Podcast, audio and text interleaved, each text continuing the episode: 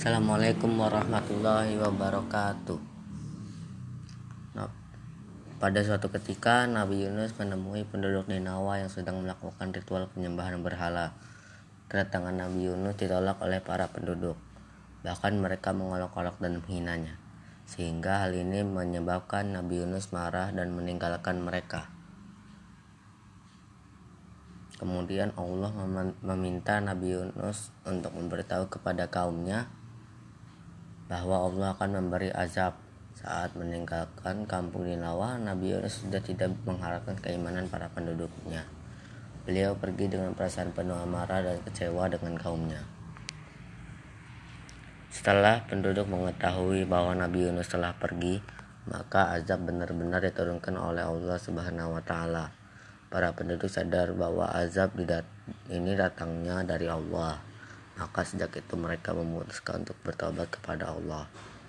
Ketika azab datang, Allah melihat adanya kejujuran tobat yang dilakukan oleh kaum wanita, laki-laki, dan anak-anak yang berdoa menyebut nama Allah.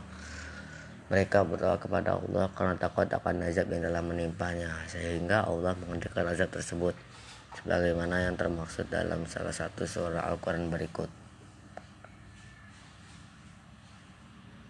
dan mengapa tidak ada penduduk suatu kota yang beriman. Lalu imannya itu bermanfaat kepadanya selain kaum Yunus. Ketika mereka beriman, kami hilangkan dari mereka azab yang menghinakan dalam kehidupan dunia.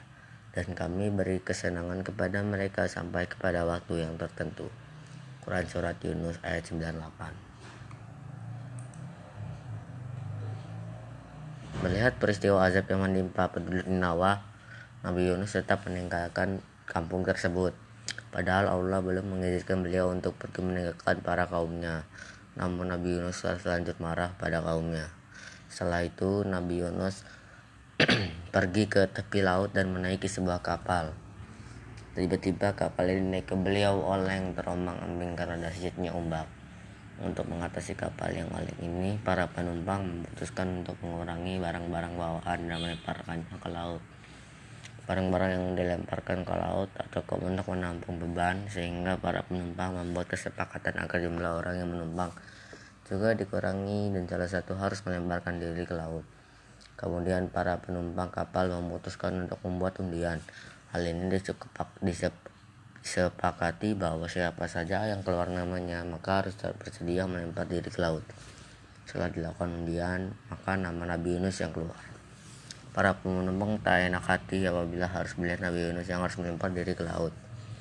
Akhirnya mereka mengundi lagi akan tapi Nabi Yunus yang, keluar lagi hingga tiga kali berturut-turut.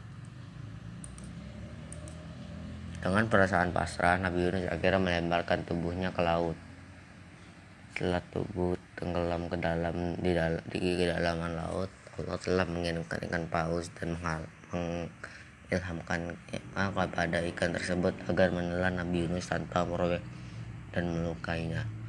Akhirnya ikan paus tersebut benar-benar menelan Nabi Yunus tanpa merobek dagingnya dan mematahkan tulangnya. Saat berada dalam pertikan Nabi Yunus hanya melihat kegelapan dan tak ada makanan yang dapat dikonsumsi. Nabi Yunus akhirnya menyadari bahwa hal ini merupakan buah dari tidak sadar dalam menghadapi kaumnya. Sehingga beliau berdoa dan memohon kepada memohon ampun kepada Allah. Hal ini sebagaimana yang tertuang dalam salah satu surah Al-Quran berikut. Dan ingatlah kisah Zunun atau Yunus ketika ia pergi dalam keadaan marah lalu ia menyangkal bahwa kamu tidak mempersempitnya atau menyulitkannya maka ia menyeru dalam keadaan yang sangat gelap bahwa tidak ada Tuhan yang berat disembah selain engkau. Maha suci engkau, sesungguhnya aku termasuk orang orang yang zalim. Maka kami telah memperkenalkannya doanya dan menyelamatkannya daripada kedukaan. Dan demikianlah kami selamatkan orang-orang yang beriman. Quran Surat Al-Anbiya Allah Subhanahu wa taala memperkenankan doa Nabi Yunus dan mengeluarkannya dari perut ikan. Nabi Yunus lemparkan di pinggir laut yang tandus dalam keadaan sakit. Kemudian Allah menumbuhkan sebatang pohon dari jenis labu untuk beliau konsumsi. Sebagaimana dalam satu surah Al-Quran, Allah Subhanahu wa taala berfirman, Kemudian kami lemparkan dia ke daerah yang tandes sedang ia dalam keadaan sakit dan kami tumbuhkan untuk dia sebatang pohon dari jenis labu. Quran surat As-Saffat ayat 145 dan 146. Setelah itu Nabi Yunus diperintahkan oleh Allah untuk kembali menemui kaumnya. Hal ini dilakukan untuk memberitahu bahwa Allah Subhanahu wa taala telah menerima taubat para penduduk. Di samping itu, Allah juga memberikan mereka kenikmatan hidup hingga waktu tertentu. Sebagaimana dalam satu surah Al-Quran berikut, dan kami utus dia kepada seratus ribu orang atau lebih.